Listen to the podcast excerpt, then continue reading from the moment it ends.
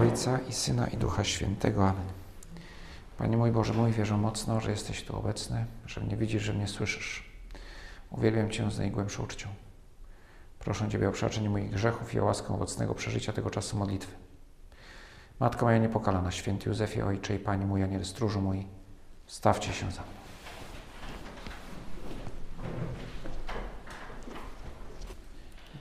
Wiele lat temu był popularny serial pod tytułem Dom i rzeczywiście był to serial o dom, o budynku, o kamienicy na ulicy Chmielnej w trudnych powojennych czasach, czasach odbudowy, ale też czasach brutalnego, najbardziej brutalnej fazy reżimu komunistycznego. W tym domu są różne rodziny, to jest historia właśnie tych rodzin, zwykłych rodzin, zwykłych warszawiaków i nie tylko warszawiaków, którzy w Warszawie się osiedlili y, i, i historia staje się tłem właśnie tych y, ich życia i, i postacią, jedną z postaci tego serialu bohaterów, który w każdym odcinku się pojawia, to jest pan Popiołek, stróż tytułowego domu. Warszawiak z krwi i kości, który przeżył okupację, przeżył powstanie, przeżył naprawdę dużo i niemal w każdym odcinku mówi, a nawet czasami parokrotnie mówi, koniec świata. Koniec świata. W obliczu mniej lub bardziej dramatycznych wydarzeń.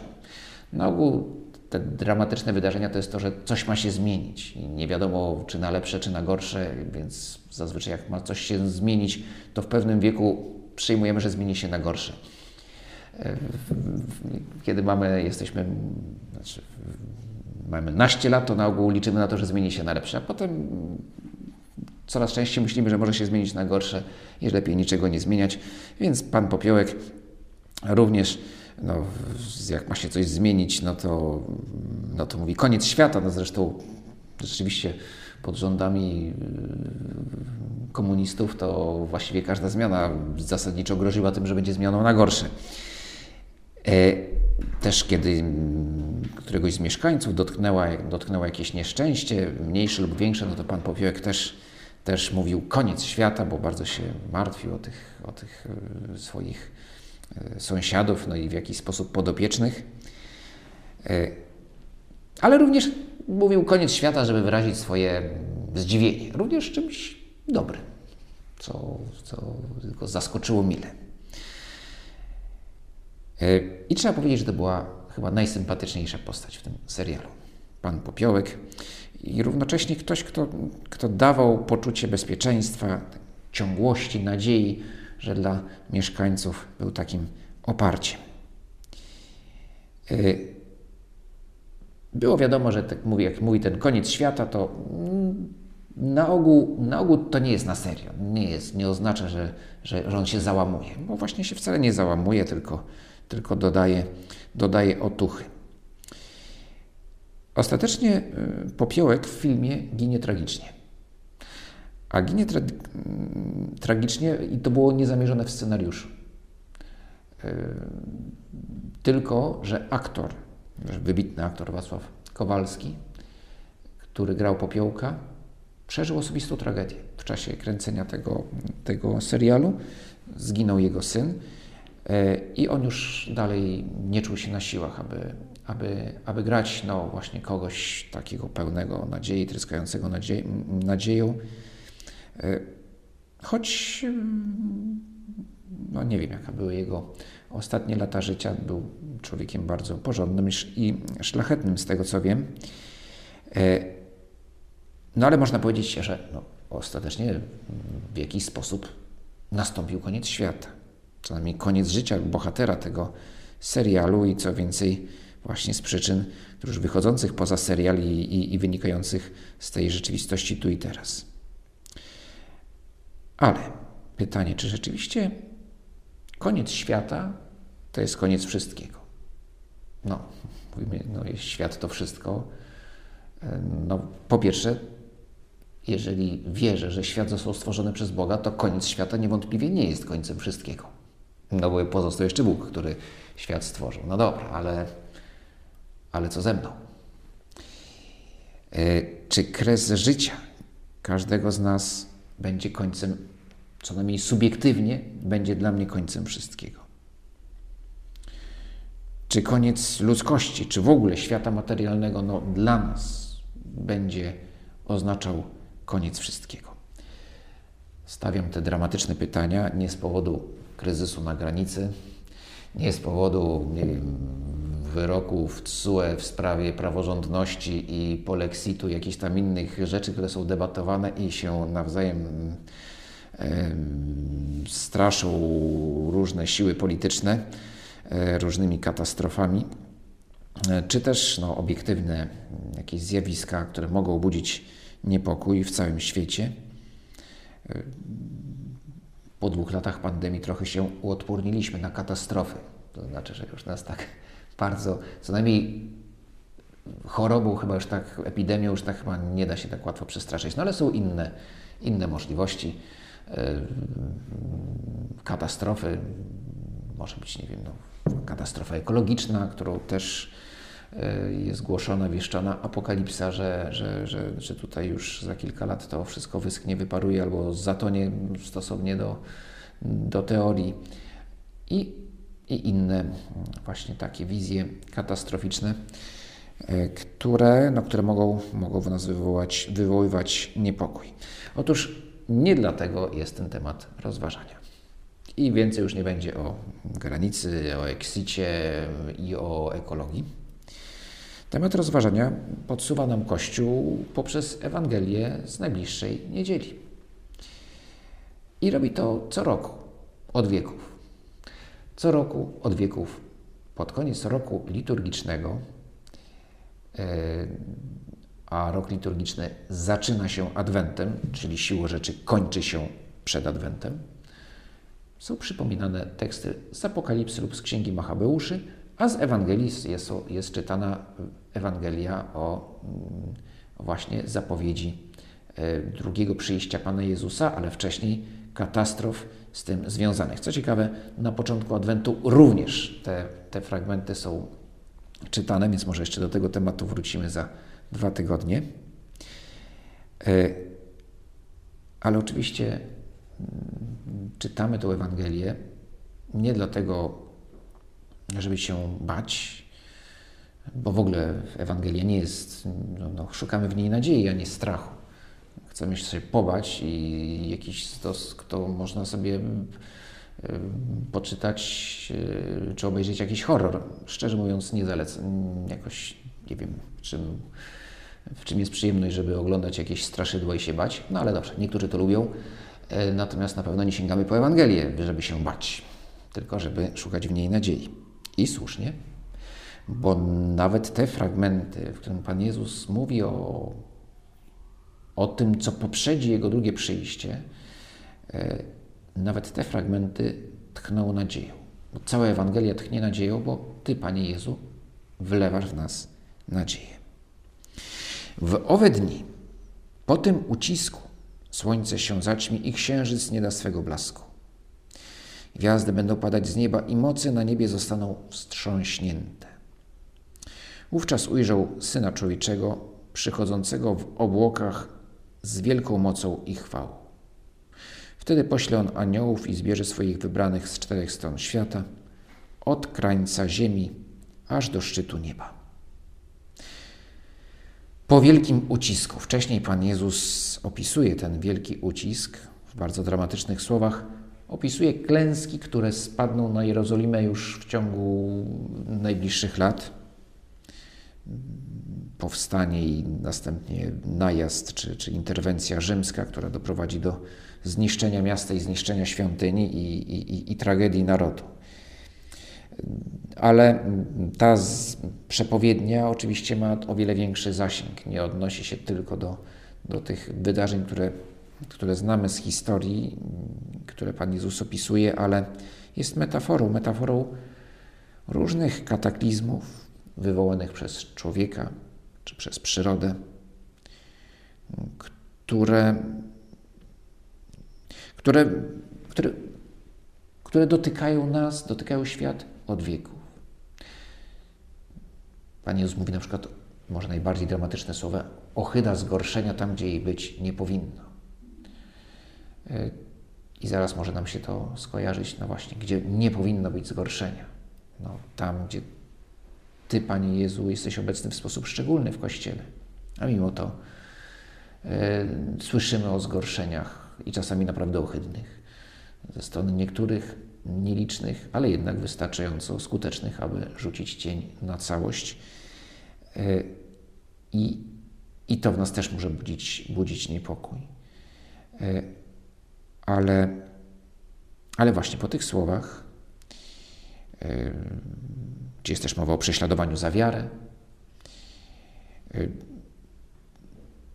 właśnie mówisz słowa pełne nadziei. I teraz nie chcę się skupiać właśnie na tych opisach kataklizmów, na tym opisie, który daje Pan Jezus, tylko mówię o nim jako kontekście, żeby lepiej zrozumieć to, co, co usłyszymy właśnie w niedzielę. Niebo, moce nieba zostaną wstrząśnięte, ale oto Syn przychodzi z wielką mocą i, chwal, i chwałą. Y, i, I właśnie ta Ewangelia mówi nam o tym, jak w obliczu jakichś wydarzeń dramatycznych, bolesnych, które budzą w nas niepokój, a nawet trwogę, jak patrzeć dalej, aby, aby tą trwogą, niepokojem nie dać się owładnąć. Jak żyć nadzieją. A oto, a od drzewa figowego uczcie się przez podobieństwo. Kiedy już jego gałąź nabiera soków i wypuszcza liście, poznajecie, że blisko jest lato. Tak i wy. Gdy ujrzycie, że to się dzieje, wiedzcie, że blisko jest we drzwiach. Zaprawdę powiadam wam, nie przeminie to pokolenie, aż to wszystko się stanie. Niebo i ziemia przeminą, ale słowa moje nie przeminą. Widziałem rok czy dwa lata temu taki rysunek satyryczny. Nie pamiętam, kto był jego autorem, ale chyba był to znany rysownik e, Janusz Kapusta, że spadają liście i właśnie kto, jeden z, jedna osoba mówi do drugiej, opadające liście mówią o nieuchronnie zbliżającej się wiośnie. Nie jesieni, ale wiośnie.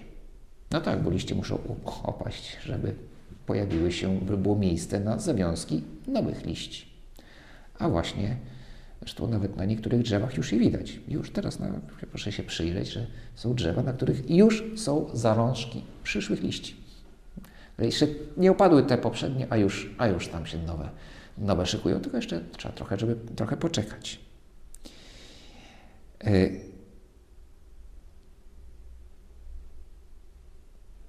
I, i patrzymy, no właśnie, z nadzieją. Mówi nawet też tu ta, ta, ten obraz tej, tej, tej figi, która nabiera soków właśnie raczej na wiosnę niż na jesieni i wypuszczy, i zaraz razem wypuści, wypuści liście. Ale no mówisz to, Panie Jezu, w kontekście właśnie owych katastrof. Że te katastrofy są znakiem, że właśnie się zbliżasz. Znaczy, ty jesteś katastrofą? Nie. Nie, nie jesteś katastrofą, wręcz przeciwnie. Raczej mówisz, nie bójcie się tego wszystkiego. Nie bójcie się przeciwności, nie bójcie się właśnie, w ogóle nie bójcie się. Również wtedy, kiedy odczuwacie niepokój, nie bójcie się. Y, no ale z drugiej strony właśnie pojawia się pytanie, jak to? Jak mam patrzeć z nadzieją, jeżeli przed sobą bezpośrednio mam jakieś zło. Coś, co sprawia cierpienie, coś, co wiem, że być nie powinno, że psuje porządek świata, że nie jest przez Ciebie chciane, Panie Boże, ale jest. I z tym się stykam. Można oczywiście pomyśleć, no cóż, y, jest źle, no to już gorzej być nie może. Jest to pewien rodzaj optymizmu, gorzej być nie może. Jest też taka anegdota, no, że mówi pesymista gorzej być nie może, a optymista mówi może, może. No, oczywiście zdrowy rozsądek i doświadczenie nam pokazują, że rzeczywiście są takie sytuacje, kiedy już, no, no już jest dno i teraz już można się tylko odbić. No to rzeczywiście już gorzej być nie może i nawet się zaczynamy widzieć, o już powolutku odbijamy. Ale to, to jeszcze nie jest chrześcijańska nadzieja. To może być jakiś element, który nam pozwala, ułatwia nam patrzenie z nadzieją. Ale no, to byłoby bardzo banalne no, patrzeć, że no, jest tak słabo, że już gorzej być nie może, już może być tylko lepiej. Wtedy to lepiej jest tak naprawdę, to lepiej jest mniej gorzej. Jest mniej źle. Przepraszam, to już się zaczynam plątać e, w przymiotnikach, ale że, że lepiej to znaczy mniej źle. No ale to jeszcze, no, jeżeli ktoś ma te, tego rodzaju spojrzenie, no to trudno powiedzieć, że to jest człowiek nadziei, który mówi, no nie będzie tak źle. Jak Pan Jezus przyjdzie, to nie będzie tak źle. Znaczy, że teraz jest, może, może nawet będzie troszeczkę lepiej niż jest teraz. No, taka teoria wygłoszona na wykładzie teologii mogłaby wywołać co najmniej zdumienie u studentów, a u u przełożonych takiego teologa, przynajmniej jeśli na, w danym y, wydziale, jeśli jest to Wydział Teologii Katolickiej, no to wywołać pewne, pewien zaniepokojenie, znaczy, o czym tutaj jest mowa. To nie jest, nie możemy do tego sprowadzić chrześcijańskiej nadziei. Mówi nam katechizm, nadzieja jest cnotą teologalną, dzięki której, teologalną to znaczy pochodzącą bezpośrednio od Boga dzięki której pragniemy jako naszego szczęścia Królestwa Niebieskiego i życia wiecznego, pokładając ufność w obietnicach Chrystusa i opierając się nie na naszych siłach, lecz na pomocy łaski Ducha Świętego. A to oznacza, że wobec różnych katastrof, realnych czy też nakręcanych przez media, światowych czy bardzo osobistych. I tak naprawdę ta druga, mm, ta druga sytuacja jest o wiele częstsza, które również mogą być realne lub nierealne, które ja sobie sam tworzę w głowie. Otóż w obliczu takich sytuacji przypominam sobie Twoje słowa i to, że one nie przeminą. Niebo i ziemia przeminą. Twoje słowa nie przeminą. Ty, Panie Boże, nie przeminiesz i nadzieja, którą dajesz, jest oparta na Tobie, a więc, a więc oznacza coś więcej niż tylko rozumowe albo nawet nierozumowe stwierdzenie, jakoś to będzie, czy będzie dobrze. Nie, to jest coś więcej. Jakoś to będzie, będzie dobrze, albo jutro poprawi się pogoda, to, będzie, to będziemy patrzeć na wszystko z większym optymizmem. Właśnie, znowu, czy to jest nadzieja? Nie, to też jeszcze nie jest nadzieja. Optymizm to również nie jest nadzieja. To jest jakiś element, który pomaga żyć nadzieją. Zawsze dobrze jest mieć wokół siebie ludzi, którzy są optymistami. Dobrze jest w sobie wzbudzać optymizm, ale uwaga, to jeszcze nie jest nadzieja, bo optymizm jest w dużej mierze kwestia uczuć, które buduje się na przesłankach dość słabych. No właśnie to, że się dzisiaj lepiej czuję, że jest słoneczko i dostałem podwyżkę. Albo co najmniej nie dostałem obniżki. E, albo, albo właśnie moja podwyżka jest prawie taka sama jak podwyżka cen w Biedronce czy innej sieci. E, I już jestem. Znaczy, Dobrze jest się cieszyć z takich rzeczy. Że mnie dzisiaj nie boli głowa, a wczoraj bolała i się z tego cieszę świetnie. Jak najbardziej. To jest jakiś malutki, malutka cegiełka w gmachu, który się nazywa nadzieja. Że świeci słońce, wczoraj padało, cieszę się, a zaczęło padać świetnie, wreszcie się poprawi sytuacja, bilans hydrologiczny kraju i to też jest bardzo dobre. Dobrze. Cieszyć się z różnych małych rzeczy, ale to wszystko to są tylko jakieś pewne jakieś przesłanki, które pomagają nam w spojrzeniu optymistycznym, ale i to jeszcze jest bardzo mało, to jeszcze nie jest nadzieja. Richard Neuhaus, ksiądz Richard Neuhaus, zmarły parę lat temu, wybitny amerykański e, kapłan, kaznodzieja, filozof, pisał tak. Optymizm to po prostu sprawa optyki. Sprawa widzenia tego, co chcemy widzieć i niedostrzegania tego, czego widzieć nie chcemy. Może czasami optymizm może być nawet zwodniczy, prawda? Bo unikam patrzenia na to, co nieprzyjemne, co bolesne.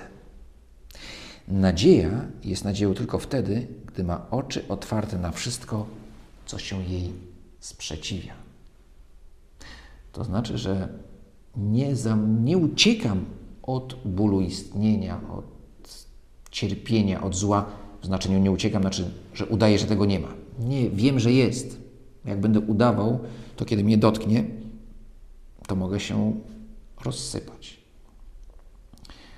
Więc nie udaję, że nie ma, bo jest. Tylko, że patrzę dalej. Na tym to polega. Nie zamykam oczu na rzeczywistość, bo to mogłoby oznaczać egoizm. Jeśli zamykam oczy na cierpienie, to, to również nie będę spieszył, starał się, aby to cierpienie, szczególnie cierpienie mojego bliźniego, co najmniej zmniejszyć, jeśli nie usunąć. Usunąć się nie da wszystkiego, ale można złagodzić, można pomóc. I równocześnie nie jestem naiwny, sądząc, że jestem w stanie uniknąć cierpienia swojego czy cudzego, albo wyeliminować je całkowicie z naszego życia.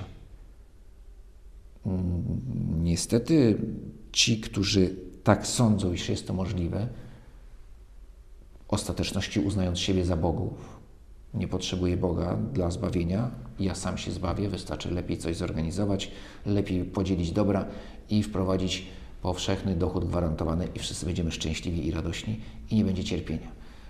Oczywiście tutaj trochę, znaczy nawet bardzo upraszczam myślenie niektórych ludzi naiwnych, ale też często ideologów, którzy chcą wejść w miejsce Pana Boga. Bo, bardzo, bo na ogół, jeżeli to staje się ideologią, to prowadzi do, no, do jeszcze większego cierpienia, niesprawiedliwości. Bo gdzie próbujemy zbawić świat bez Pana Boga, tam wiadomo, że, że, że nic, nie tylko, że nic z tego nie będzie, ale będzie jeszcze gorzej. Ja natomiast patrzę, słucham i i wiem, że Twoje słowa, Panie Jezu, nie przeminą. Że Ty przychodzisz, już przychodzisz, będziemy to rozważać właśnie już niedługo, w czasie, w czasie Adwentu, że do Ciebie należy ostatnie słowo i wiem, że Ty, który świat stworzyłeś, stworzyłeś go pięknym i dobrym, ale dopuściłeś istnienie zła. E, to, że dopuściłeś, nie znaczy, że zło ma jest czymś ostatecznym, bo nie może być czymś ostatecznym. Tylko Ty jesteś dobry, do Ciebie należy ostatnie słowo. Wierzę to. I wierzę nie tylko słowom, jako temu, co Twoimi ustami, Panie Jezu, wypowiedziałeś. Wierzę w to, co uczyniłeś, co powiedziałeś swoim życiem. Te słowa, to, to kazanie o, właśnie o drugim przyjściu, Pan Jezus wypowiada na krótko przed męką. E, przez kilka dni uczniowie naprawdę nie będą mieli powodów do optymizmu. Może nawet nie tylko przez kilka dni, bo ta atmosfera prześladowania, wrogości wobec Pana Jezusa narasta. Narasta, nie, to nie było, że w ciągu tygodnia tam nagle wybuchł jakiś jakiś złość wśród faryzeuszy, wśród elity świątynnej na Pana Jezusa. To narastało stopniowo i uczniowie byli coraz tego bardziej świadomi. Więc można powiedzieć, że takiego ludzkiego optymizmu to zbyt wielu powodów nie było w Wielkim Tygodniu. W piątek nie było już prawie żadnego, w sobotę w ogóle nie było powodów do optymizmu. Ale była nadzieja. Uczniowie jeszcze nie umieli żyć tą cnotą. Dlatego się załamali. Tylko ona wiedziała, jak nią żyć. Tylko ona, Maria, nie użyła. Nie zamykając oczu na rzeczywistość, mało tego, bardziej niż inni. Tą rzeczywistość cierpienia krzyża przyjęła. Uczniowie uciekli przed krzyżem, ona została. Ona zachowała nadzieję. Oni tą nadzieję stracili. Nie zupełnie, nie totalnie, bo, bo, bo, bo po zmartwychwstaniu jest co odbudowywać. Ale, ale jednak załamali się, nadzieję stracili. I, ta historia pozwala nam, ta najważniejsza historia w dziejach świata, pozwala nam lepiej zrozumieć również te słowa. Dlaczego Pan Jezus mówi o, o właśnie różnych przeciwnościach, doczesnych katastrofach, wreszcie końcu tego świata, jakim jest w tej chwili. E, I mówiąc o tym, równocześnie mówi o swoim, równolegle do tego mówi o swoim drugim przyjściu. Bo to zaczynamy rozumieć wtedy, kiedy, kiedy te słowa rozumiemy, kiedy zrozumiemy krzyż, albo też te słowa nam pozwalają lepiej zrozumieć krzyż.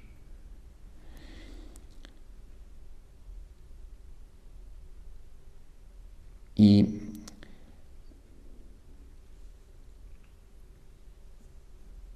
I pozwól nam, Panie, pomóż nam, Panie Jezu, abyśmy, abyśmy w obliczu właśnie różnych rzeczy, które mogą nas niepokoić, osobiście, czy też na poziomie całego społeczeństwa, narodu, czy całego świata, abyśmy nigdy nie stracili z oczu Ciebie, który mówisz, przychodzę. I może właśnie wtedy, kiedy najbardziej odczuwacie, czy może bardziej odczuwacie yy, cierpienie, ból, niesprawiedliwość, która nas otacza, wtedy właśnie tym bardziej pamiętajcie, ja przychodzę i jestem blisko. I na drzewach są już pąki. Nie chodzi o to, że, żeby też było jasne, że nie wiem, jakieś natężenie jakichś złych wiadomości prowadzi nas do stwierdzenia, no to już koniec świata, będzie dosłownie jutro, no bo już tyle rzeczy się dzieje niedobrych, że to już na pewno teraz. W tej Ewangelii Pan Jezus mówi, nie znacie dnia ani godziny. Właśnie po to, żebyśmy nie, nie weszli też w, ten, w tą ślepą uliczkę. O, tyle jest y, zdarzeń właśnie, tyle katastrof, to już na pewno koniec świata. Tu bardzo pomaga znajomość historii. Patrzysz wstecz i no, są czas, no, no, no, ciągle nam towarzyszą różnego rodzaju kataklizmy, katastrofy naturalne i co gorsza również spowodowane przez człowieka, przez jego złość, przez jego głupotę. Czy teraz jest ich większe natężenie? Nie mam pojęcia. Czy przed drugim przyjściem będzie jakieś większe natężenie? Nie mam pojęcia. A może właśnie wcale nie. Może właśnie ten dzień drugiego przyjścia Pana Jezusa będzie bardzo normalny. A te słowa odnoszą się do całej historii świata, w której, w której po prostu zło jest obecne, ale, ale z większym lub mniejszym natężeniem, a Pan Jezus przyjdzie, kiedy będzie chciał przyjść, kiedy będzie to najlepszy moment. Więc tu nie ma co robić żadnych jakichś tam dywagacji, teorii, wysnuwać.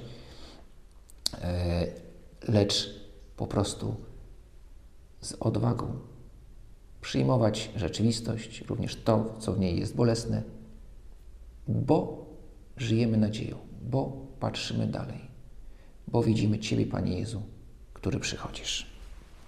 Dzięki Ci składam, Boże mój, za te dobre postanowienia, uczucie i natchnienia, którymi mnie obdarzyłeś podczas tych rozważań. Proszę Cię o pomoc w ich urzeczywistnieniu.